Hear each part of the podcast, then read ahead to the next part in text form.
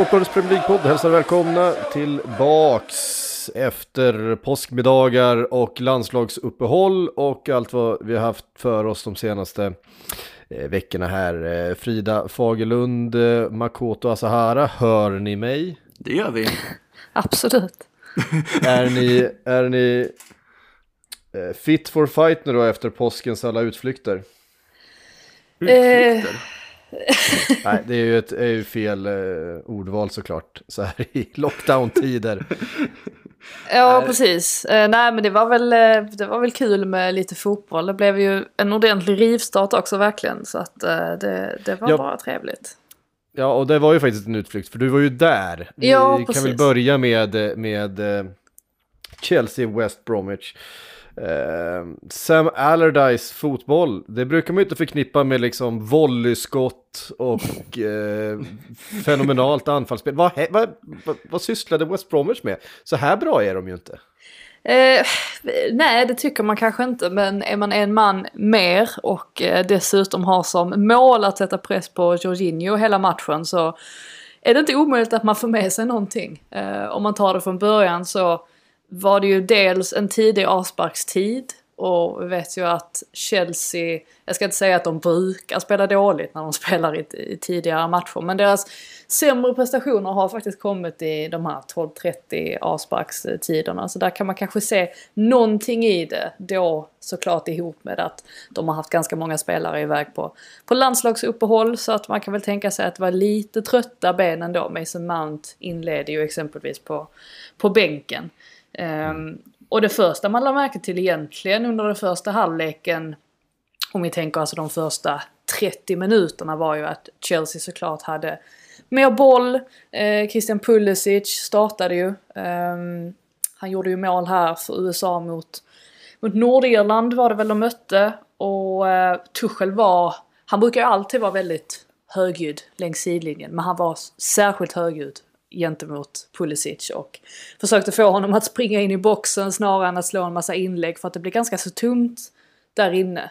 Eh, men det man märkte ganska omgående var ju redan nämnda spelaren Jorginho som inte riktigt eh, kom in i matchen. Och det är ju faktiskt på grund av honom som Thiago Silva till slut åker ut. Jag tyckte att Thiago Silva fram tills dess hade varit väldigt bra. Alltså han är ju väldigt elegant i sin distribution av bollen och så vidare.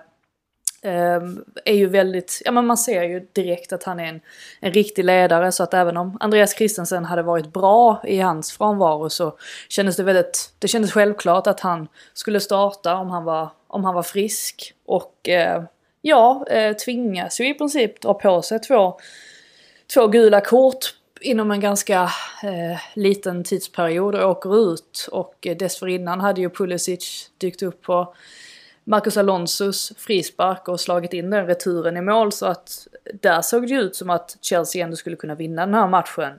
Alltså ganska behagligt trots att, ja, att man kanske inte var på topp så att säga. Eh, men sen började raset ganska omgående. Andreas Christensen kom in i eh, Thiago Silvas ställe. Eh, men det var som att Chelsea slutade spela försvarsspel. Tycker särskilt att Sam Johnstones framspelning där till Pereras Pereiras andra mål är det väl. Där eh, hela backlinjen i princip står och sover. Så ska det ju inte få gå till.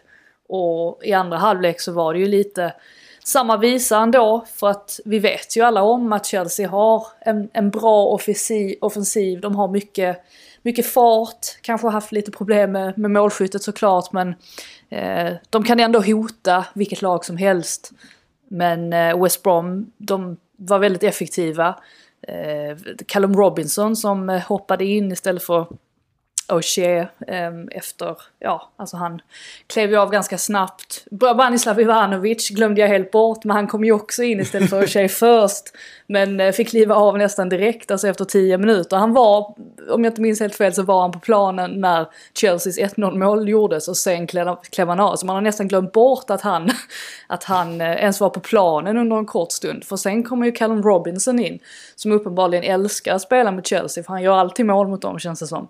Och och får ju också göra mål i den här matchen. Och det är som att, ja, alltså främst är det ju att, att Chelseas försvarsspel inte alls fungerar. De hade inte släppt in ett enda mål på Stamford Bridge under Tuchel eh, i ligan inför den här matchen. Och här bara rasar de ihop totalt. Och det är klart, de är ju en man mindre, men man ska ändå kunna begära mer av försvarsspelet. Särskilt, jag tror det är Diagnis eh, eh mål där det känns som att de har väldigt många spelare inne i boxen. Men ingen spelare går ut på honom eh, och sätter press. Och han kan bara slå in utökningen. Så att de sköt ju sig själva i, i fötterna här. Um, var ju, kom ju ganska snabbt rapporter om att det hade skett vissa incidenter på, på träning och så eh, under eh, påskdagen. Antonio Rydiger och Kepa som, uh, de spelade ju inte i matchen. Men dagen efter en match så brukar de spelarna som inte har deltagit i matchen köra lite, lite smålagsspel vid sidan om. Och där ska Rydiger ha satsat ordentligt mot eh, Kepa och eh, de röker ihop, de ska ha bett om ursäkt och sådär. Men det ska ha varit lite intensiva, hetska diskussioner i omklädningsrummet efter matchen och det är väl inte så konstigt. Det är ju den reaktionen man behöver för att det här var ju verkligen en, en mardröms eftermiddag, en förödmjukande eftermiddag. Men det Tuchel kan hoppas på är ju att all olycka kanske paketerades i en och samma match. För att det kändes lite som att det här var en enda stor freakshow. Och förhoppningsvis för Tuchels del så kan han liksom få spelarna tillbaka på banan ganska snabbt igen. Alltså spontant känns det vara Thiago Silvas röda Alltså det glöms ju lätt bort när man ser resultatet att de ändå spelade med en man mindre. Sen så ska de ju inte få kollapsa på det sättet de gör nu. Alltså när Pereira gör sina två där på övertid i första halvlek, han är ju där och skjuter i ribban och allt möjligt också. Det kunde ju blivit fler mål. Det är det som är det helt sanslösa med den här förvandlingen som West Bromwich går igenom här.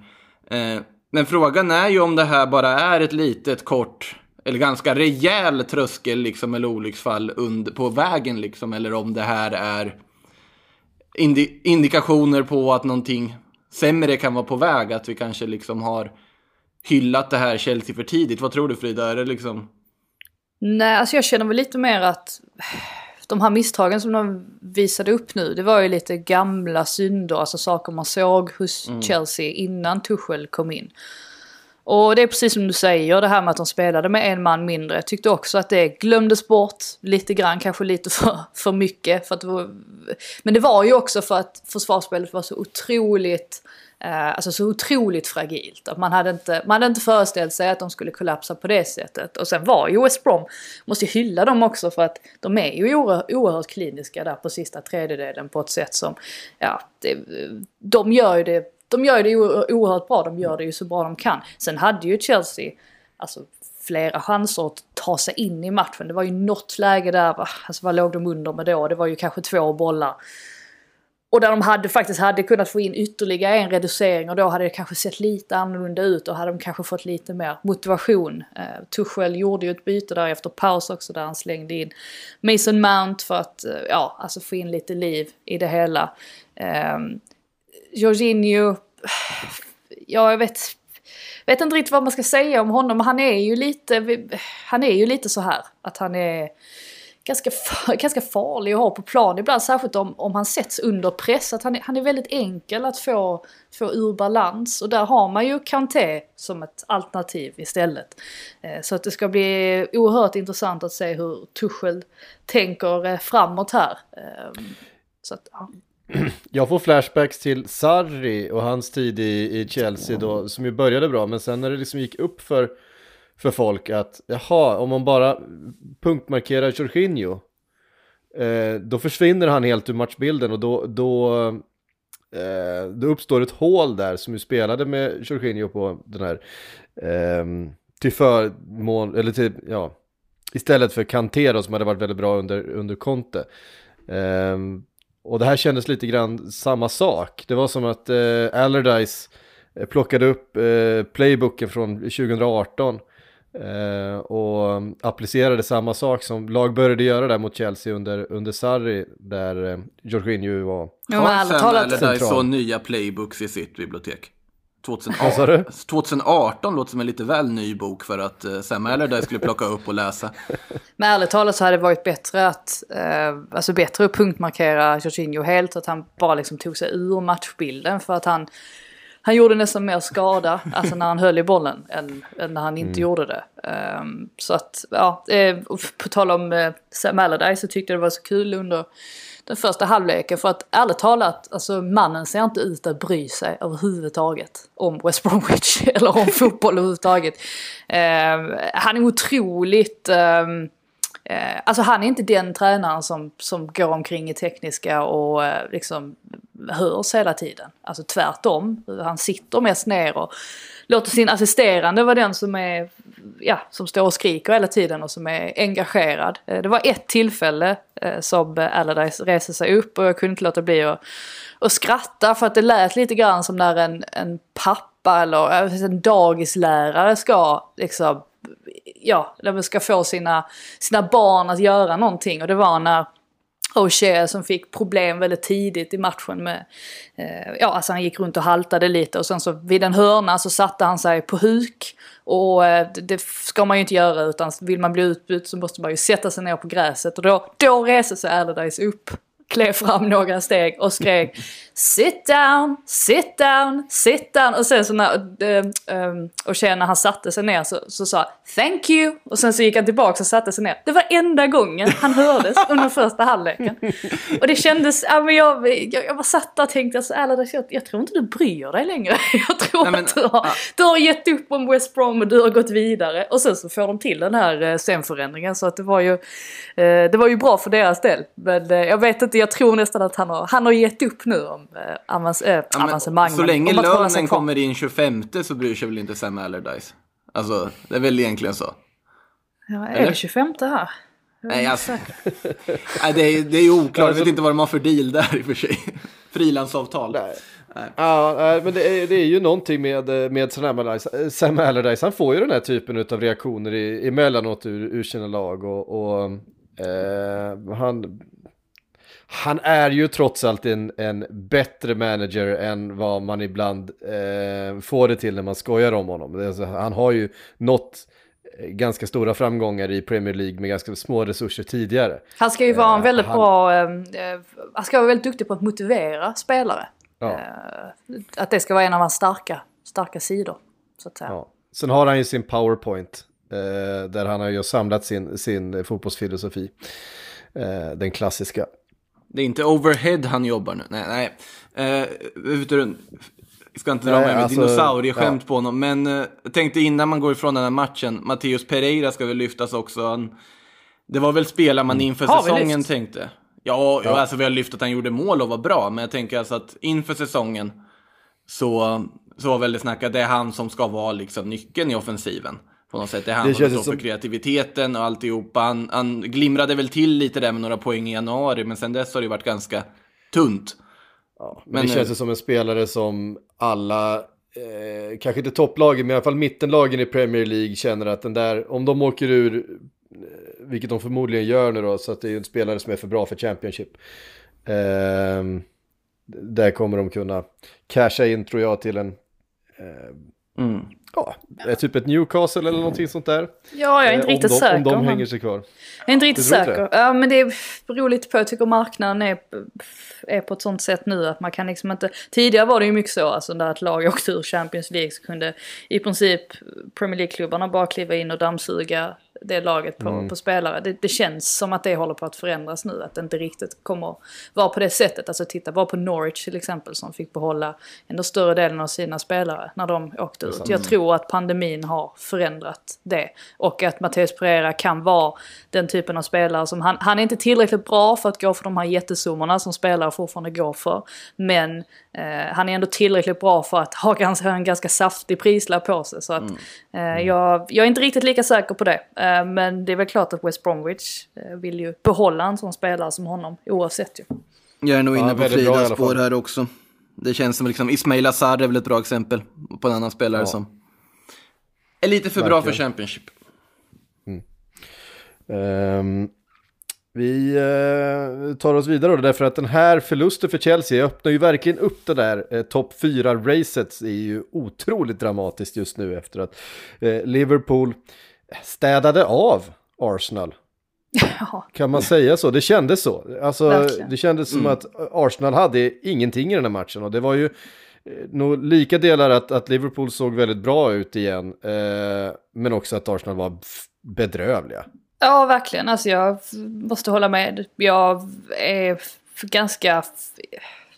Ja, men jag var ganska förvånad faktiskt över hur pass dåliga de var. För att tidigare, när man ändå har ja, men hittat någonting att, att lyfta som någonting positivt, alltså under Mikael Arteta, så har det ju varit att de har varit bra periodvis i matcher. Att det har inte sett bedrövligt ut under 90 minuter. Men här tycker jag ärligt talat att det ser bedrövligt ut från start till mål. Och dels så har det ju såklart att göra med att man, vilket också är helt sjukt, att det ska hänga på att man saknar eh, några spelare. Dels då två Ja, de är inte tonåringar, eller Emil Smith Rowe är inte tonåring längre, han är väl 20. Men han och eh, Bukayo Saka saknades ju givetvis med, med sin fart och fläkt där fram. Och ärligt talat så kändes det som att man saknade Granit Xhaka också väldigt mycket. För att det mittfältet med Thomas Partey och Ceballos fungerade inte särskilt bra. Och jag tror inte att det bara är deras fel, för att någonting som var väldigt noterbart under den första halvleken, det, det var ju det här att vi har pratat mycket om det att Arsenal har haft problem eh, när de har spelat ut kort från eh, Bernt Leno. Eh, att de kanske har tagit lite för mycket risker ibland. Eh, har ju gjort sina, sina slarvfel som har lett till baklängesmål. Det gjorde de inte under den första halvleken. Jag såg inte Bernt Leno. Det var inte många gånger han spelade ut kort eh, till någon av mittbackarna. Inte ens, det var till och med ett tillfälle när både Gabriel och eh, Rob Holding stod inne i straffområdet och han ändå väljer att dra den långt. Och det kan man väl förstå på ett sätt eftersom att Liverpool är ett väldigt...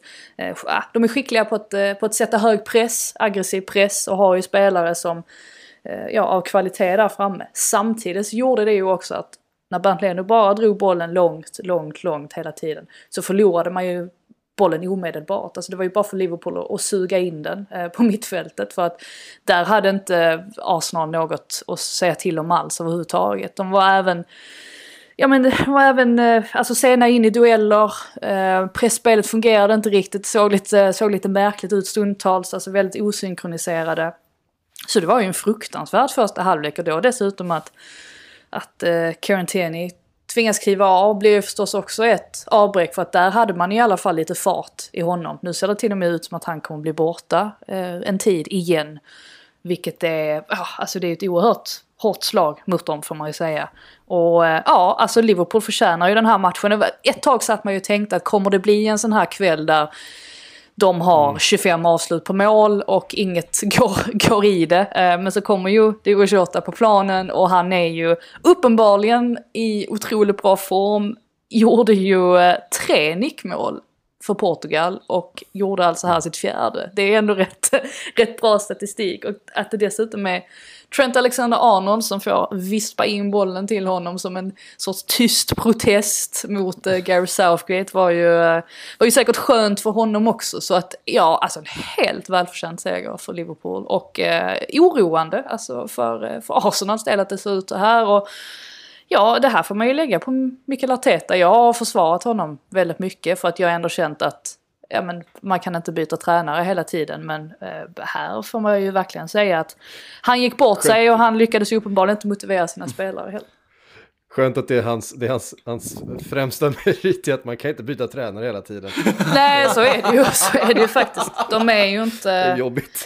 De är ju inte... Sen inför sig, alltså jag menar Chelsea, deras sätt, de har ju inte bytt tränare. Alltså de har ju bytt tränare ofta och det har ju faktiskt varit lyckat för deras del. Men det är ju annorlunda för dem, för de har ju en, de har en helt annan budget att röra sig med. Alltså Roman Abramovic har råd att byta tränare och när han väljer att byta tränare så är det ju för att han känner att nu har vi dels råd råd och det här kommer säkert hjälpa Chelsea på sikt. Arsenal kan inte riktigt göra det längre. De, de har, inte, de, de har inte den, ja, den finansiella strukturen som krävs om man ska byta tränare hela tiden. En annan grej som var ju, eh, som jag måste kommentera är ju att eh, det tog mig flera minuter innan jag fattade att Aubameyang är inte Reece Nelson.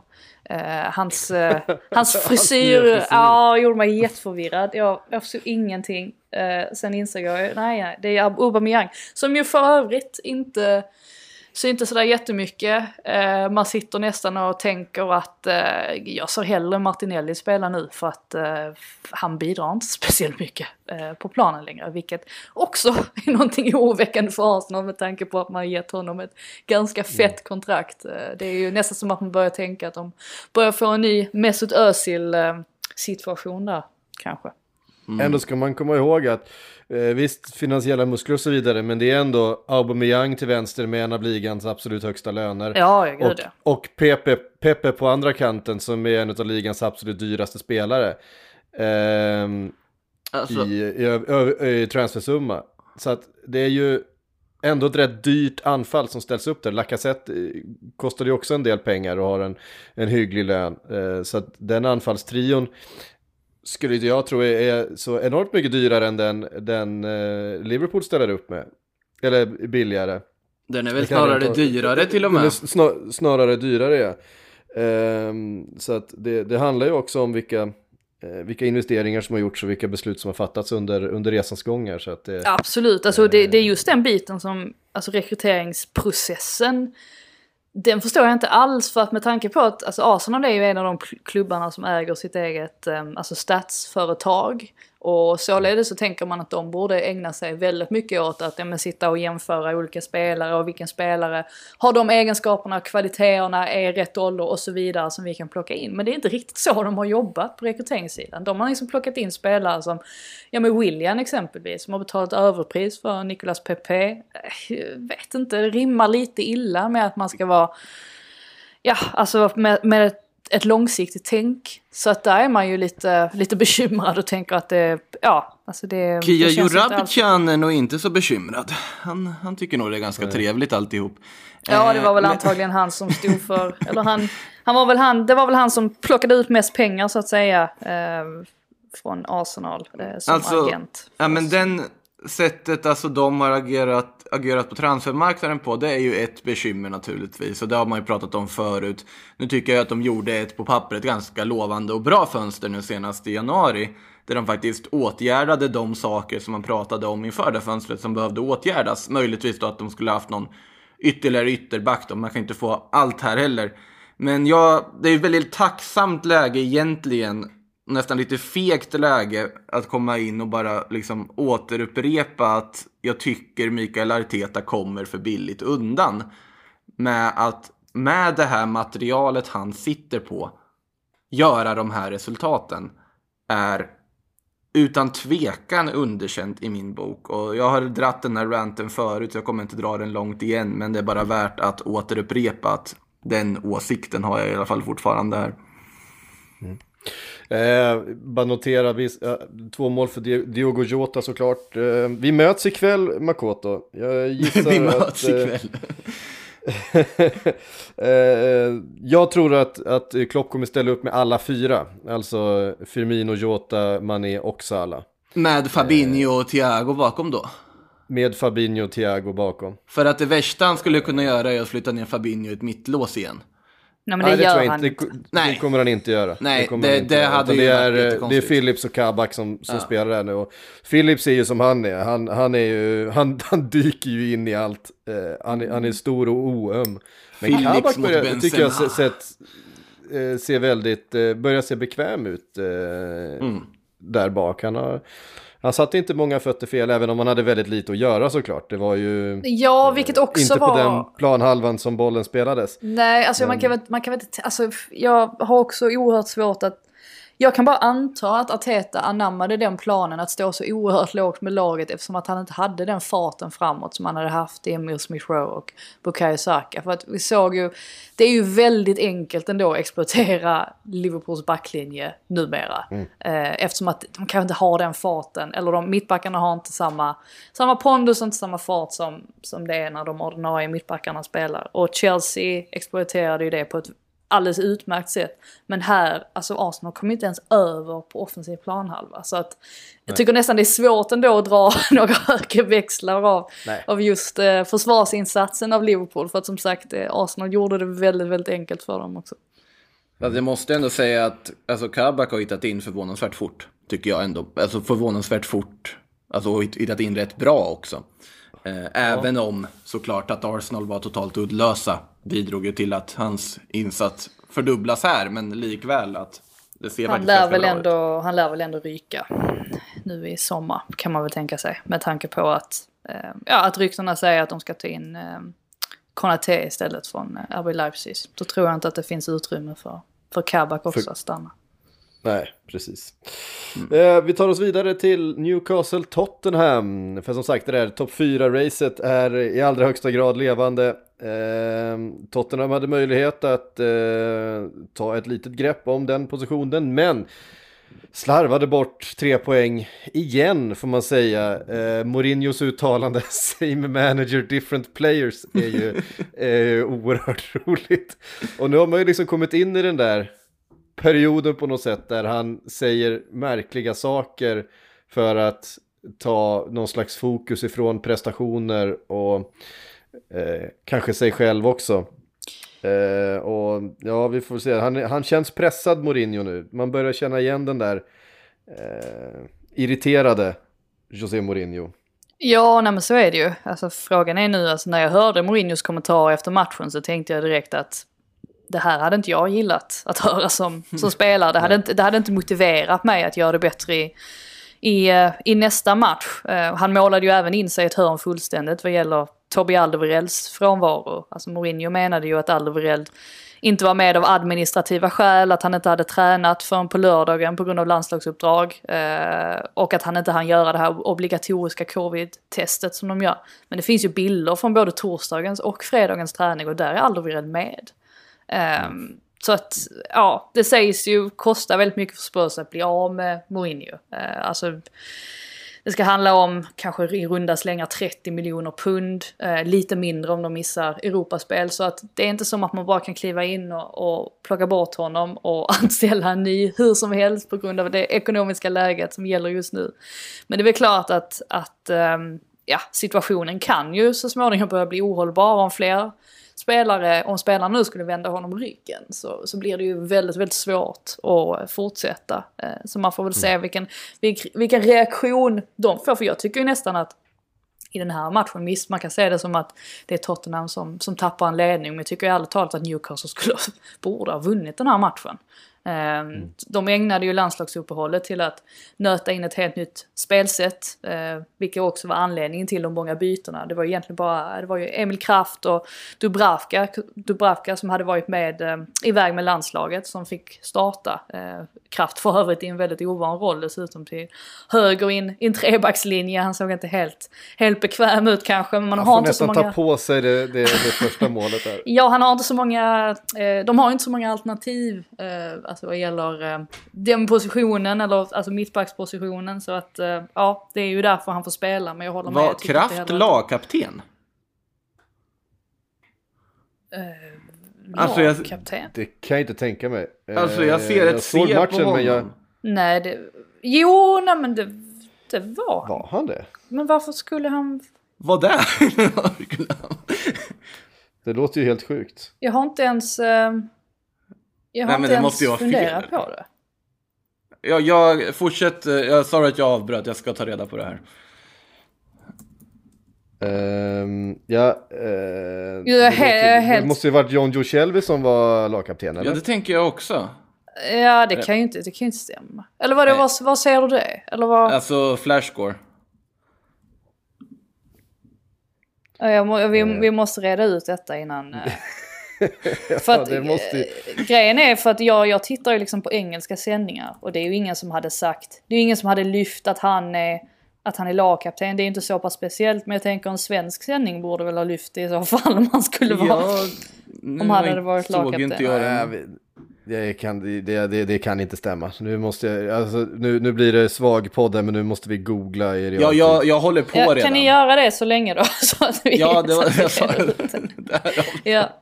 Eh, hur som helst så gick de ju från att spela en sorts, ja vad var det de körde tidigare, 4-3-2 formation där de liksom, eh, vad säger jag, bara splittrade sina anfallare. Eh, de spelade oerhört brett. Den, det kastades i papperskorgen och så istället körde man vidare på ett 3-5-2 system. Eh, och det var ju en kontroversiell laguttagning som betalade av sig får man säga. Eh, det var ju uppenbart att Spurs inte hade räknat med att de skulle spela på det här sättet i alla fall. Och Joey Linton gjorde sin kanske bästa match i Newcastle-tröjan någonsin. Eh, det var ju han och Dwight Gale som sprang runt där uppe med Almiron och Longstaff eh, bakom sig och samt då Matt Ritchie och Jacob Murphy som, som wingback, så det var ju för övrigt Richies första start sen det här bråket som uppstod på träning mellan honom och Bruce. Så även om Tottenham återigen förlitar sig på att man har spelare och absoluta världsklass där fram och, och Harry Kanes fina form håller i sig i och med att han gör båda målen så förtjänade ju Newcastle Joe Willocks kvittering där och som sagt, de kunde ju faktiskt ärligt talat ha vunnit matchen. Deras expected goals var oerhört intressant. Låg alltså på 4,02 vilket är det tredje högsta som har producerats av ett individuellt lag i en match under den här säsongen. Det säger ganska mycket om hur, eh, ja, vilken nivå de kom upp i då, ändå.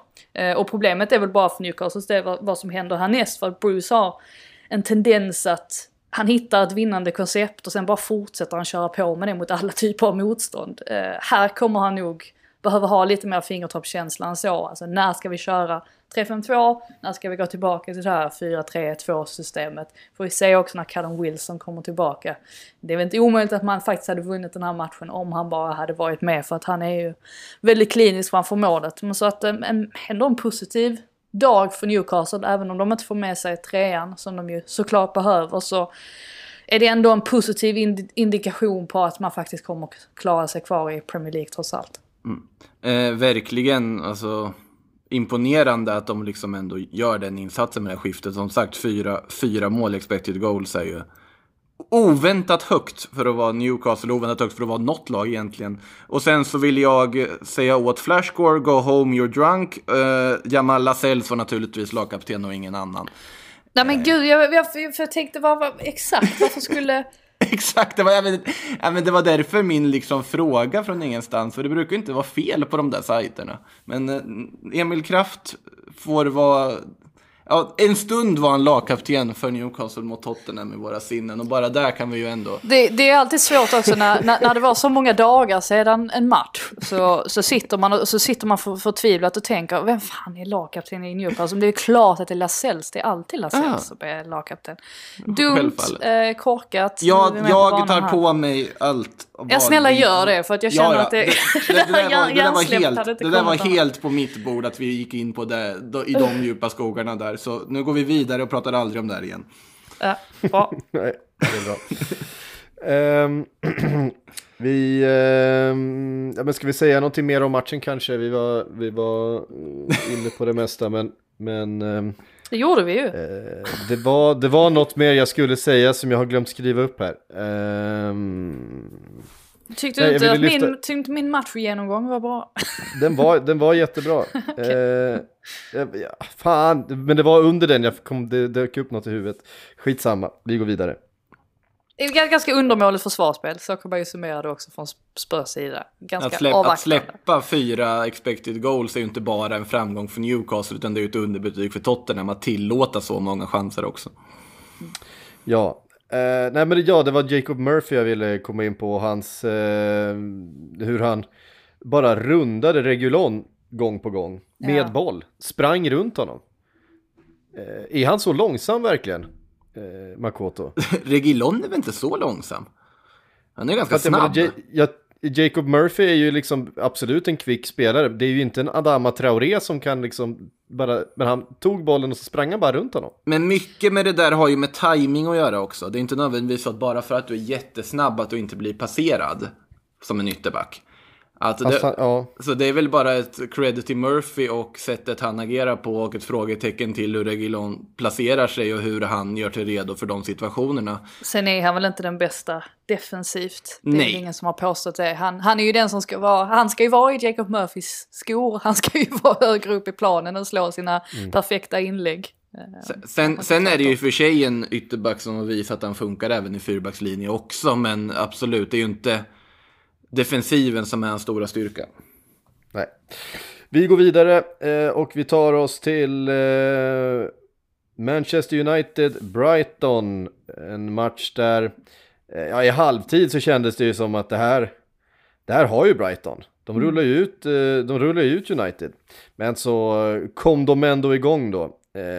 Och till slut så var det väl ändå rättvist kan jag tycka. Det kändes som Brighton eh, backade hem väldigt mycket och, och lät, släppte in Manchester United i matchen, mer eller mindre. Ja, det är frustrerande för ehm, alla Solskjaer-kritiker där ute att uh, United gör en sån otroligt undermålig första halvlek. Någonting man har sett ganska ofta under säsongen också. Att de inte alls kommer in i matchen. Brighton här tar ledningen i det här fallet genom Danny Welbeck av alla spelare också. Och Såklart. sen så i den andra halvleken så räcker det nästan med att man får till alltså några några aktioner alltså av väldigt, väldigt hög kvalitet. Och sen så vinner man ändå matchen i slutändan med 2-1. Det visar ju såklart alltså vilken, eh, vilken kvalitet man har i, i offensiven. Att man har spelare som kan se de här öppningarna och ta de här löpningarna som ändå måste göras. Och Bruno Fernandes är ju en av de spelarna såklart som, som har det ögat och eh, tycker framförallt att kvitteringsmålet är ju, det är ju ett väldigt fint kvitteringsmål. Eh, Ja. Väldigt fint anfall. Och samma med Greenwoods eh, avslut där till, till 2-1 målet är ju också, det är ju, eh, ja alltså det är bra, bra individuella prestationer. Eh, sen som sagt, alltså hade Brighton, jag kände det också under den första halvleken, jag tänkte att Brighton måste få in åtminstone ett mål till för att de ska få med sig någonting härifrån, för man vet hur Manchester United är. Eh, måste hylla Adam Lallana som tyckte var helt fantastisk under den första halvleken speciellt. Eh, han var alltså väldigt, väldigt bra. Och det är ju, det är ju häftigt att se också hur Potter på något sätt, alltså det finns kanske en tendens att man hyllar honom för mycket men det är ju svårt att inte göra det när man ser vilket spelarmaterial han ändå har att jobba med. Nu är ju Lalana en, alltså han är ju en spelare av hög kvalitet och det syns ju på honom också men det är ju flera av de andra som Jakob Moder exempelvis som även gjorde mål mot, mot England här, här om veckan eh, för Polen som också har kommit in i det bra. Eh, tyckte att i den här matchen så var det väl snarare Grås som inte riktigt steppade upp. Eh, Trossard hade inte heller någon särskilt bra dag men tyckte däremot att Mopé var betydligt bättre. Man har vant sig vid att, att se honom i många andra matcher. Eh, tyckte ändå att, att backlinjen fungerade bra. Louis Dunk är ju helt sensationell. Eh, alltså definitivt en av ligans bästa mittbackar. Eh, men som sagt, Manchester United har kvaliteten, så jag, jag håller med dig. Jag tycker också de vinner välförtjänt i, i slutändan. Så tungt, tungt för, eh, för Potter och Brighton, men eh, ja, det är skönt för eh, United nu som ja, har ju säkrat Champions League-platsen i alla fall. Mm. Eh, ska vi säga någonting om straffsituationen också? Är Harry ju, Maguire. Ja. de skulle ju haft en straff där, Brighton, Jag ska, men det är ju... ja, alltså jag ska vara ärlig och säga att jag tycker egentligen inte att det ska, det ska vara straff. Jag tyckte inte att David Luiz, eh, när han gick in mot, eh, alltså, eh, vem var det egentligen han gick in med? Han gick in mot, eh, det spelar ingen roll, i eh, matchen mot Wolves. Ehm, nu vill jag nästan komma på vem det var. Ah, Var det Fabio. Silva? Nej, det var det inte. Nej, det var en Eh, chansning. Nej, eh, oavsett vad så jag tyckte inte att det skulle bli, skulle bli straff. Eller jag tycker att det, det, det ges generellt lite för billiga straffar. Men ska vi följa protokollet, då tycker jag definitivt att Brighton ska ha straff. Alltså om vi nu ska, alltså en hand är ju uppe. Eh, det ser väl nästan ut lite grann som att han, alltså är han, ja han är väl där framme med, med foten ja, han hindrar ju honom från att nå den här bollen. Det, det är ju både över och underkropp inblandat. Eh, Ja, jag tycker att det är en straff. Eh, jag tyckte det kanske inte i realtid när jag såg det, men på reprisen så tycker jag definitivt att det ser ut som en straff. Men skitsamma, det blev... William, det, det William sådär. José. William ja, José det, det, det var det. rätt position i alla fall. Eh, på- Gud. Det satt men- långt in i skallen. Ja. vet inte hur mycket man ska gå in på den här diskussionen om Maguire och uh, VAR-teamets eh, fina relation och så vidare heller. För det är ju inte första precis. gången som... Ja. Men det roliga är så här, det roliga är med uh, Maguire, ja han har, han har kommit undan rätt så många gånger. Bland annat en situation med Lasells ligger ju färskt i minnet. Den, alltså det var den jag tänkte lite på också. Ja. Ja. Men han har ju faktiskt fått ett par mål bortdömda också framåt. Eller par, men det är väl åtminstone två stycken situationer där han faktiskt skulle ha, eh, ha friats. Eh, så att han inte, han har, han har vardomarna med sig i eget straffområde. Men inte i offensivt straffområde. Så kan man ju... Så kan man nog säga. Mm. Ehm, West Ham fortsätter storma upp. Nu upp på den där fjärdeplatsen då efter 3-2 mot Wolves igår kväll. Men det höll på att, det höll på att bli en ny 3, eh, 3-0-tapp. Alltså eh, en ny vändning för eh, ja, det, det, det märks på något sätt att, att det, det finns en del Eh, det blir lite osäkert i försvarsspelet eh, när man ska försvara den där ledningen. Man har ju eh, faktiskt haft en lite svagare form eh, senaste tiden. Och det där eh, tappet mot Arsenal där man ju leder med 3-0 och tappar till 3-3. Den, den hängde nog i bakhuvudet på, på alla spelare när eh, eh, 3-2 målet petas in där. Men, men de red ut stormen eh, och tog tre poäng och är nu uppe på, eh, på den där fjärde platsen och det är ehm, Ja, det är ju fenomenalt vad de har, vad de har åstadkommit så här långt. Vad David Moyes har gjort och vad Jesse Lingard har bidragit med. Messi Lingard. För han är... Messi Lingard, ja, Ja precis. men alltså vad var det för mål han gjorde? Alltså det första när han bara plötsligt bara tar bollen och bara springer igenom alla. Och sen, sen så här, supersäkert avslut som att han aldrig gjort något annat förut. Och då pratar vi om en person som gjorde en poäng på en hel säsong United tidigare för inte så länge sedan. Och, Alltså så- otrolig säkerhet och sen också förarbetet i Bowens 3-0 mål. Det, det är de här ögonblicksbilderna man brukar se på Messi. När han har så här, sju spelare och är ensam liksom, mot sju spelare. Och Lingard i samma situation. Hittar in med den där passen på något vänster också. Jättefint avslut av Bowen.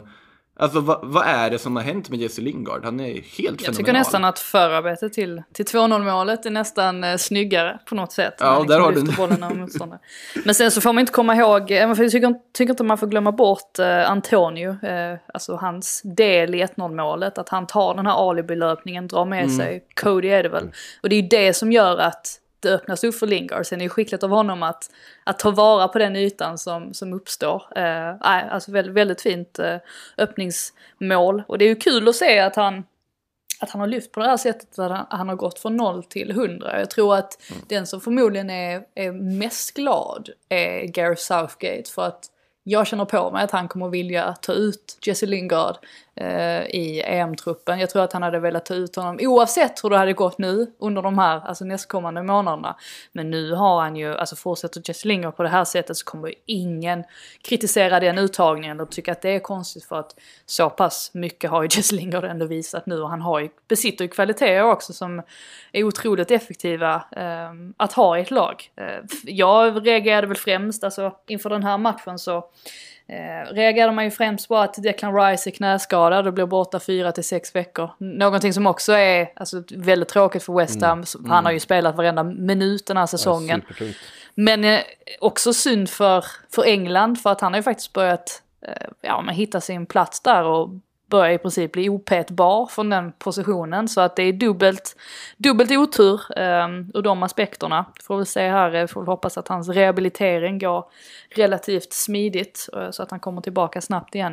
Eh, men ja, då, då blev det ju Noble där bredvid Zuzek och med tanke på min sågning här för några veckor sedan så var det väl inte så att man var överlycklig över det. Det hade varit roligare att se en sån som Coventry till exempel. Alltså bredvid Zuzek. Sen förstår man ju att man måste ju in med lite mer rutin och eh, ja, alltså det, han, han, han gjorde ju det det man skulle, han är inte världens bästa eh, centrala mittfältare och det kommer jag aldrig, kommer jag aldrig påstå i alla fall. Men det fungerade ju och jag tycker faktiskt det är ganska häftigt just med, med West Ham hur de, alltså så fort det blir en skada, får inte glömma bort heller att Antonio kliver av här i den 35 minuten eller vad det var och Bowen hoppar in. Um, och det är på något sätt som att de alltid, de jobbar för varandra. Alltså när det sker en skada, trots att de inte har den här bredden på truppen och att det möjligtvis kommer att vara ett problem, eller man har ju tänkt sig att det skulle vara ett problem för dem att nå Champions League exempelvis på grund av detta. Så är det nästan som att de, ja, alltså varenda liten eh, motgång, alltså då, då, då kliver de samman, jobbar för varandra. Och det är uppenbart att David Moyes lyckas få dem till att göra det här, att han lyckas motivera dem till att lägga ner jobbet. Så att ja, fjärde plats och en poäng före Chelsea just nu. Det vore ju ganska häftigt ändå om vi får se West Ham i Champions League nästa säsong. David Moyes. Eh, han prenumererade på den där eh, eh, platsen precis bakom under många år. Ska han äntligen få ta klivet eh, upp och ut i Europa. Ehm, måste, jag måste säga någonting bara för att det är Adama Traoré och jag tycker det är eh, fenomenalt det han gör. Alltså förarbetet. Det är inget bra försvarsspel, absolut inte från, från Bra West Ham, inlägg. Men, det är ett sjukt bra inlägg, Mm. men det är alltså, han plockar upp bollen strax utanför eget straffområde, felvänd. Och sen bara sätter han fart och, och Zuzek försöker riva ner honom, men han, det går bara inte. Det, han, han är bara för stark och Zuzek är ingen, ingen liten kille. Var han inoljad? Näst- han, han, han var inoljad. Okej, ja. Eh, eh, som vanligt. Eh, och sen så får de bara inte tag på honom. Det är, man undrar ju varför gör han inte det där lite oftare och bara sätter fart. För att, för att det är så, så här att han, han, han, hit, han kommer liksom på det plötsligt, just det, så här kan jag ju göra, jag är ju snabbare och starkare än alla andra på planen. Så om jag bara tar bollen och sen så hittar jag en yta så springer jag så är det ingen som hänger med. Eh, det, är, det är ju otroligt när han väl bara sätter fart på ett sätt som, som ja, ingen annan helt enkelt. Ehm, men han gör det ju alldeles för sällan och för det mesta så, så är det där inlägget i slutet av de där räderna eh, mycket sämre än vad det var just den här gången som ju, eh, piskas in stenhårt i pannan på den Donker. Eh, ett mycket vackert mål. Värt att slänga Men- in innan vi rör oss också. Eh, på tal om spelare man gillar så vill jag slänga upp att Pablo Fornals avslut. Det är fint att se den spelare man vet har en så pass gudabenådad teknik också. Att man får se en sån skymt av det här nu i Western tror jag med det avslutet också. Det, är, det ser enkelt ut men det är inte lätt att dra den där bredsidan på det här sättet han gör alltså. Nej, det var väldigt fint. Det var, det var många fina eh, prestationer. Mm. Kul Även match. 3-2 målet. 3-2 målet från, eh, vad heter han nu Fabio då? Silva nu. Fabio Silva, nu prickar jag rätt. Så ja. Ehm, var ju faktiskt väldigt, väldigt fint. Eh, passningen, löpningen, hela vägen. Verkligen. Ehm, sådär. Ehm, vi tar oss vidare till ehm, eh, Aston Villa Fulham och den där bottenstriden för eh, Brighton. Eh, tog inga poäng. Eh, fanns möjlighet för Fulham att eh, knappa in. Ehm, men, och man har ju 1-0 länge efter bjudningen där, Tyrone Mings. Ja, ja, länge hade man ju inte. Vad sa du? Det, var, det varade inte särskilt länge. Den kom ju i, vad var det, 60 minuten kom väl 1-0 målet. Och sen Ja, så precis. kom ju raset Eh. ganska snabbt alltså. Ja, alltså det dröjer ju ändå ett tag. Det är väl först, ja, det är Dryg ändå, kvart, det är näst, eller? En Ja. dryg kvart. Mm. Den är dryg ändå. Den är inte knapp. Den är dryg ändå. Mm. Eh, och då kändes det, då har de de där tre poängen och då jäklar hade det eh, spetsat till sig runt nedflyttningsstrecket. Men så fullständigt rasade. Trezeguet kommer in. Visst byts han in, Trezeguet? Han spelar väl inte från början? Nej, han byttes in. Eh, och, och förändrar den här match, matchbilden på helt egen hand. Ehm, Det roliga är med- att jag, eh, jag gick ner i den 77 minuten gick jag ner för jag skulle göra någonting. Och jag tyckte liksom att matchen var ganska tråkig överlag. Så att eh, ja, jag gick ner och så gjorde mitt och sen så eh, insåg jag då, ja men nu är matchen över egentligen. Och sen så, då var jag klar och sen så klev jag upp igen. och sen så ombads, ombads jag eh, titta på resultatet, såg 3-1. Och jag kunde inte för mitt liv förstå hur det hade gått till. För att det kändes som att i minut 77 så kändes det ändå som att ja men det här kan nog Fulham få med sig. De får i alla fall med sig en poäng. Nej minsann, 3-1. Trezeguet ville tydligen annorlunda. Eh, Mm. Tycker väl ändå att det första målet går väl inte att kanske klandra dem för mycket. Men, men därefter så kan man ju ändå begära att Fulham ska göra lite mer. Jag tror inte att Scott Parker är, är helt nöjd eh, med dem där mot slutet i alla fall. Det var lite, lite en återgång tillbaks till det Fulham och det försvarsspel vi såg i början på säsongen. Eh, det var väldigt passivt och såg eh, nervöst ut.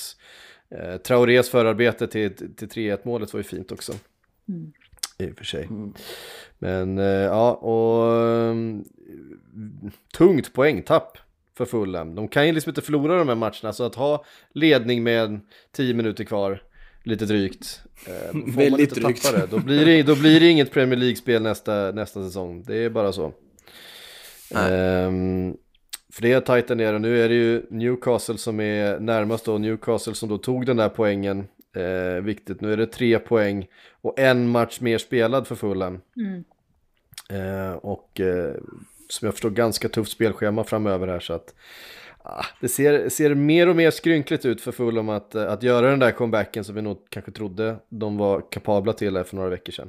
Ja, de har inte riktigt tagit alltså, sina chanser eh, som de ändå gavs. Så att jag, och med tanke på att Newcastle ändå kan plocka fram det här då och då som de gjorde nu mot Spurs. Det, det får ju en att tro att det kanske blir för jobbigt för, för Fulham trots allt. Mm. Eh, Manchester City har säkrat sin femteplats i tabellen. Kul Jag, för jag, tror, jag, jag trodde du skulle säga att de hade säkrat titeln och jag skulle inte säga sagt emot dig. Jag, hade bara nickat Nej, med. alltså det har vi väl varit inne på ganska länge att de, har, eh, att de har sprungit iväg med den här ligan. Om det är nu 14 poäng före Manchester United med eh, eh, åtta omgångar kvar. Eh, Väldigt men, stabil vinst. Alltså det är Ja. väldigt imponerande av dem. Man tänkte kanske att ja, de har ju också folk som har varit iväg på, på landslagsuppdrag. Men ja, en riktigt eh, imponerande insats särskilt av De Bruyne. Det var lite De Bruyne masterclass här återigen. Ja, alltså det är ju, man vilar ju, man har ju ett helt, nej men alltså en eh, Gündogan, Cancelo, Phil Foden, Raheem Sterling, Ferran Torres, det är liksom bänken, John Stones, det är spelare som har varit fenomenala under den här säsongen, som har varit riktigt, riktigt bra. Vi har pratat om John Stones återkomst, Gündogan som kanske varit vinterns allra hetaste spelare, Phil Foden som har varit magisk, eh, Raheem Sterling som är alltid är nyttig liksom. Eh, de sitter på bänken i den här matchen och ett Leicester som ju liksom är, är trea i ligan, inte på något annat än att de faktiskt förtjänar att ligga där med ett riktigt fint lag, visserligen med, med vissa skador och sådär, men, men eh, de, de bara åker dit och hämtar tre poäng, City. Ja, De Det Bruyne känns var ju lite... som de behöver... Nej, precis. De Bruyne var ju lite kaxig efter, eller kaxig, men i sin intervju efter matchen så menade han ju på att det var bara, fanns bara ett lag på planen i princip. Men han, hade ju faktiskt inte fel. Och tittar man på eh, statistiken också så, ja alltså City landar på 11 målchanser tror jag det var. Och Leicester på 5. Eh, skott på mål var väl visserligen bara 4-2. Eh, men det, det kändes som en, ja men det var liksom en, eh, vad säger man ens? Alltså en rutinerad insats av Man City. Att de åker dit och plockar tre poäng och det är inte så mycket mer än så. Alltså det, En det dag var på en jobbet. bra insats. Ja, en bra, en bra dag på jobbet. Mm. Och det är alltså borta mot tabelltrean. Och det, det säger ju en del om hur, hur City just nu bara fullkomligt demolerar den här ligan på alla sätt och vis. Och demolerar den här guldstriden. Det är ofantligt imponerande. Det är lite extra Fortsätt. intressant också med tanke på om vi tänker tillbaka till det förra mötet mellan de här två lagen som slutade lite annorlunda. Eh, Just det. Precis. så att, ja. Lite West Bromwich-vibbar var det då. Över Leicester. Mm. Faktiskt. Ehm, Everton, Crystal Palace, Robin Olsen i målet. Eh, fick inte hålla nollan eh, den här gången heller efter ett sent mål av eh, Batshuayi som eh, räddade den här poängen för eh, eh, Crystal Palace. Och Everton är väl li- lite grann i den här situationen också. Det kändes som, det kändes som tungt poängtapp på slutet där, alltså tre poäng här. Och man är ju också inblandad i den här eh, striden om fjärdeplatsen såklart. Verkligen. Ehm, De är Har ju, du- har ju också problem på, ja, men på hemmaplan framförallt. Och får ju inte Mm. med sig de resultaten som krävs om de nu ska, ska hänga med där uppe och, och plocka en Europaplats. Och i den här matchen får man ju verkligen säga att de går ju miste om sin chans. De skulle ju ha dödat den här matchen tidigare och istället så gör Crystal Palace som de har gjort så många gånger tidigare att de får en möjlighet med fyra minuter kvar och sen så blir det mål. Det var ju extra intressant att det var Batshuayi som gjorde målet. Han byttes ju in bara två minuter dessförinnan tror jag det var. Och ja, kom ju också med vissa, vissa uttalanden under eh, landslagsuppehållet här där han menade att eh, Martinez då, hans eh, tränare i, eh, eller förbundskaptenen i Belgien, att han känner sig mycket mer eh, tillfreds med honom, att han känner att han har mycket större förtroende hos Martinez jämfört med då situationen i, i klubblaget. Och eh, ja, Roy Hodgson har ju uppenbarligen inte litat på honom, Batshuayi, och var väl ganska öppen med det på presskonferensen efteråt också. Att, att, eh, det, här, att det handlar mycket om tillit, men att Batshuayi tydligen hade kommit tillbaka till, till Palace, anslutit och visat eh, ja, men tillräckligt bra inställning för att eh, slänga sig in här med ett par minuter kvar. Och det, ja, det visade sig ju löna sig för honom. Även om säsongen såklart inte har blivit så som han hade tänkt sig. Nej. Eh, och ett Crystal Palace som eh, ja, varken kommer göra något uppåt eller neråt. Ett eh, stabilt mittenlag igen då den här säsongen. Det är så ofantligt intetsägande alltså, där i mitten. Det, det, är, så, ja. det är så grått. Därför kan vi väl bara liksom eh, konstatera att Southampton och Burnley också spelade en fotbollsmatch mot varandra. Men, men det slutade 3-2. Ja, precis. Jag måste bara, en till sak där på Crystal Palace. Kommer ihåg när jag sa mm. för eh, någon månad sedan att jag lyfte fram Sean Dyche som ett alternativ till Roy Hodgson? Och ingen var riktigt med på noterna när jag sa det. alltså ingen tyckte Nej. att det lät som ett bra förslag. Nu har det verkligen kommit rykten om att det kan vara så Nej. att Sean Dyche lämnar Burnley efter säsongen. Och att han kliver in i Crystal Palace och tar över. Den hade ändå suttit fint att naila. Om det är, det är en jävla sidledsförflyttning. Ja, den är ju, ja. det är ju väldigt snyggt Frida. Men det är ju, en, det är ju tidernas sidledsförflyttning.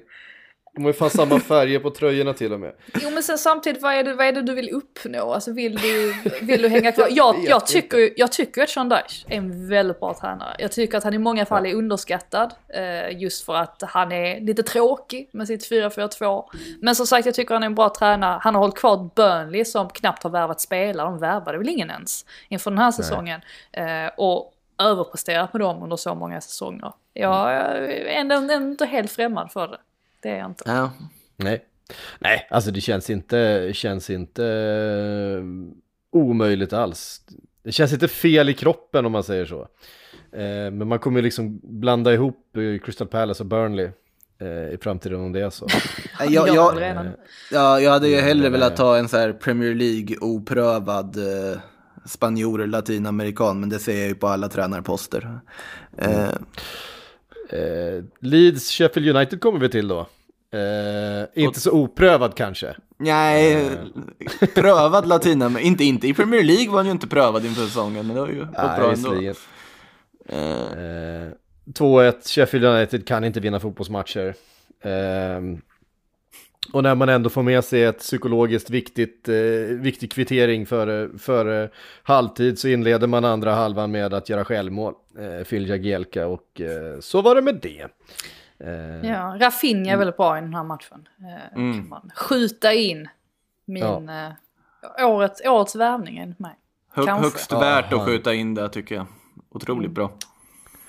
Eh, väldigt, väldigt bra. Eh, han har varit väldigt bra under hela den här säsongen. Han är ju deras, deras viktigaste spelare, eh, skulle jag säga. Kanske tillsammans med Bamford och eh, någon av backarna, men, eh, men eh, han gör ju oerhört mycket för, för det här mm. Leeds. Problemet är väl nu att man, man vill, man kanske nästan, alltså om vi säger att Jesse Lingard fortsätter som man gör, så är det ju nästan som att man börjar tänka, kan man ge en, en januarivärvning? Ja det är klart, Bruno Fernandes var väl, vi såg väl nästan honom som säsongens värvning trots att han inte kom in förrän i slutet av januari i Manchester United förra säsongen. För nu vill man ju nästan ge den utmärkelsen till Jesse Lingard om det är så att det, det kanske är till och med han som kommer göra att West Ham alltså plockar en, en CL-plats.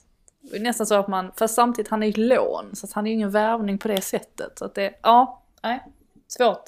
Vi får summera när säsongen är över helt mm. enkelt. Den som har varit bäst. Mm. Mm. jag hade ju faktiskt glömt eh, be om frågor här på sociala medier så att eh, den tiden som vi har avsatt till det. Men, jag, kan ställa en fråga till jag, jag, ja, men jag, fick, jag fick ett mail också eh, igår som jag, jag Mm, tror cool. att jag flaggade det. Om jag gjorde Mailfråga? Ja. Eh, från, Det är något eh, speciellt med mejlfrågor. ja men verkligen, jag, jag uppskattar Verkligen. det jättemycket. Um, det var Daniel här som frågade, hej, kanske något ni kan ta med till PL-podden, men Fabio Silva borde väl kunna hitta en klubb att spela för när Wolves är skadefria i anfallet. Han har ju inte öst in mål och, är antagligen, och det är antagligen bara jag som tycker han är bra.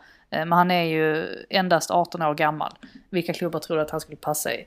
Um, jag, känner, ty tyvärr är det väl lite grann så att Fabio Silva var ju för dyr.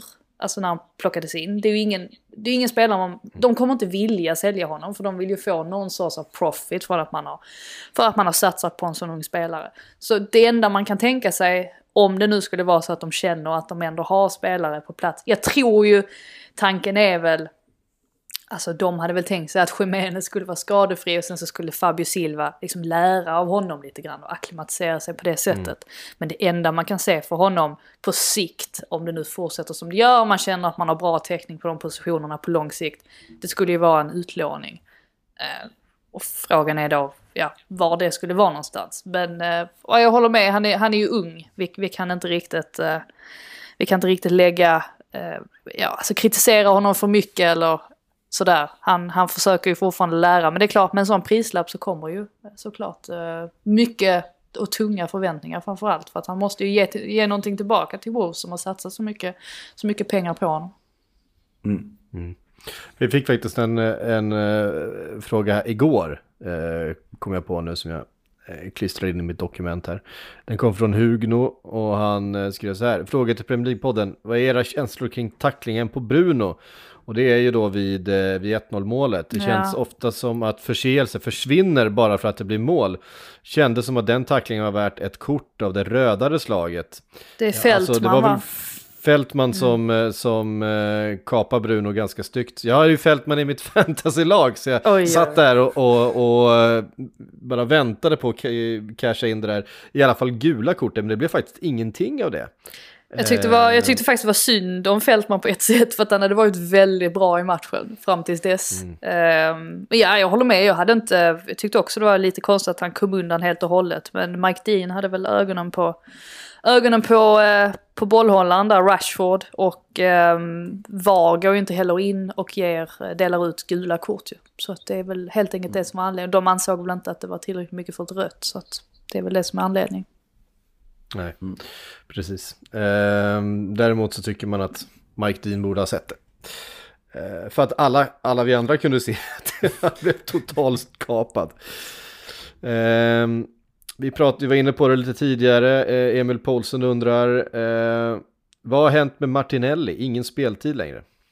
Nej, det är det är lite trist tycker jag för att med, om vi ser till alltså förra säsongen så var det ju han det snackades om. Det var ju inte, det var inte direkt Bukayo Saka på det sättet. Han har ju snarare, fick ju snarare sitt stora lyft under hösten. Eh, och det var ju verkligen inte Emil Smith Rowe, han kom ju betydligt senare än så. Eh, Martinelli har ju haft det tufft med sin skada där och komma tillbaka. Eh, men jag är lite besviken av att han inte har fått fler chanser. Men kanske nu då att eh, Aubameyang har sett lite för loj ut och att eh, Martinelli förhoppningsvis kan få spela lite mer nu då. Det finns väl en skynda långsamt aspekt med en spelare som kommer tillbaka från en långtidsskada också. Att ofta är det bara det faktumet att de får vara på träningsplanen och jobba upp sig. Även om de kanske är matchredo och kan användas så är man sparsamma och vill liksom se den utvecklingen ska komma tillbaka i helt fullt fysiskt lag. För han kanske inte riktigt är den. Det är ju svårt att veta också från, som utomstående men det kan nog Ja, ligga kan något i ju det vara också. så. Kan ju vara så, men han spelade ju ändå en del, alltså för några månader sedan. Det känns som att det är nu som det har ebbat Mm. ut lite grann. Så det är det som gör att man inte riktigt förstår, eh, förstår det. Men eh, ja, förhoppningsvis så får han sina chanser här. För det är ju fortfarande spelare som, alltså det är en av de största talangerna alltså i världen tänker man här. Man ser till att hans, till hans unga ålder och sådär. Så att det finns ju fortfarande väldigt mycket att, eh, att få ut av honom. Men där var det hörni, där fick vi ändå in ett par frågor eh, som kändes eh, relevanta. Eh, Makoto, hur laddar du upp för, inför kvällens match? Eh, jag laddar upp med att eh, grotta ner mig fortsatt i damallsvenskan här inför säsongstart. Eh, Mm. Det blir väl det, tror jag. Själv då? Ja, alltså jag vet inte, det känns, eh, det känns eh, lite jobbigt. Det känns extra, eh, det känns som att vi behöver en revansch på, på er också. Om det, är någon som, har- om det är någon som har missat så är det alltså Real Madrid mot Liverpool ikväll i Champions League. Och, eh, ja, det, Är det, det bara- är lite som, eh, det känns, det känns som det här Godzilla vs Kong. Är det, bara, är det bara jag som ska tänkt ha Man City Dortmund på storskärmen? Eh, Ändå spännande Det- där det- med Erl... eh, you know. Du kan inte Det är ens bara prata. du Frida. Erling Det- det- Haaland. Ja, det, alltså, det är ju en jätteintressant match där också, absolut. Eh, men ja, alltså, nu, det som är lite tråkigt är att Ramos är ju inte med. Det är ju en Nej, väldig fördel för Liverpool samtidigt som det är en nackdel på att Mo Salah inte får göra tillbaka på Sergio Ramos. För den duellen var ju något av det roligaste som någonsin skett i Champions League-sammanhang tyckte jag när, när Ramos får ta emot pris och klappar Salah på axeln när så går ut och tar emot det tycker jag fortfarande är de roligaste gala upp ögonblicken jag har beskådat. Nu sa jag det så nu kommer väl mail, mailkorgen vara full av glada Liverpool-supportrar efter detta. Spelar, ehm, eh, det spe, spelar de i Madrid eller? De gör Ja, de spelar på B-lagsarenan fortfarande för de det? renoverar ju. Alfredo Di Stefano. Precis, den lilla pittoreska, idylliska lilla planen de har lagt ute i träningskomplexet ute i öknen där. Där ska de spela Champions League, stormöte. Trevligt. Trebackslinje tror jag, är min gissning. Oj, oj, oj. Du tror på det? Mm, det tror jag. Det brukar, eh, det brukar faktiskt eh, Liverpool ha lite svårt med. Så att eh, det skulle inte alls förvåna mig ifall det, ifall det blir så. Sen skulle det förvåna mig om Zidane inte har gjort den läxan i och för sig, men det är en annan sak. Men trebackslinjen tror jag.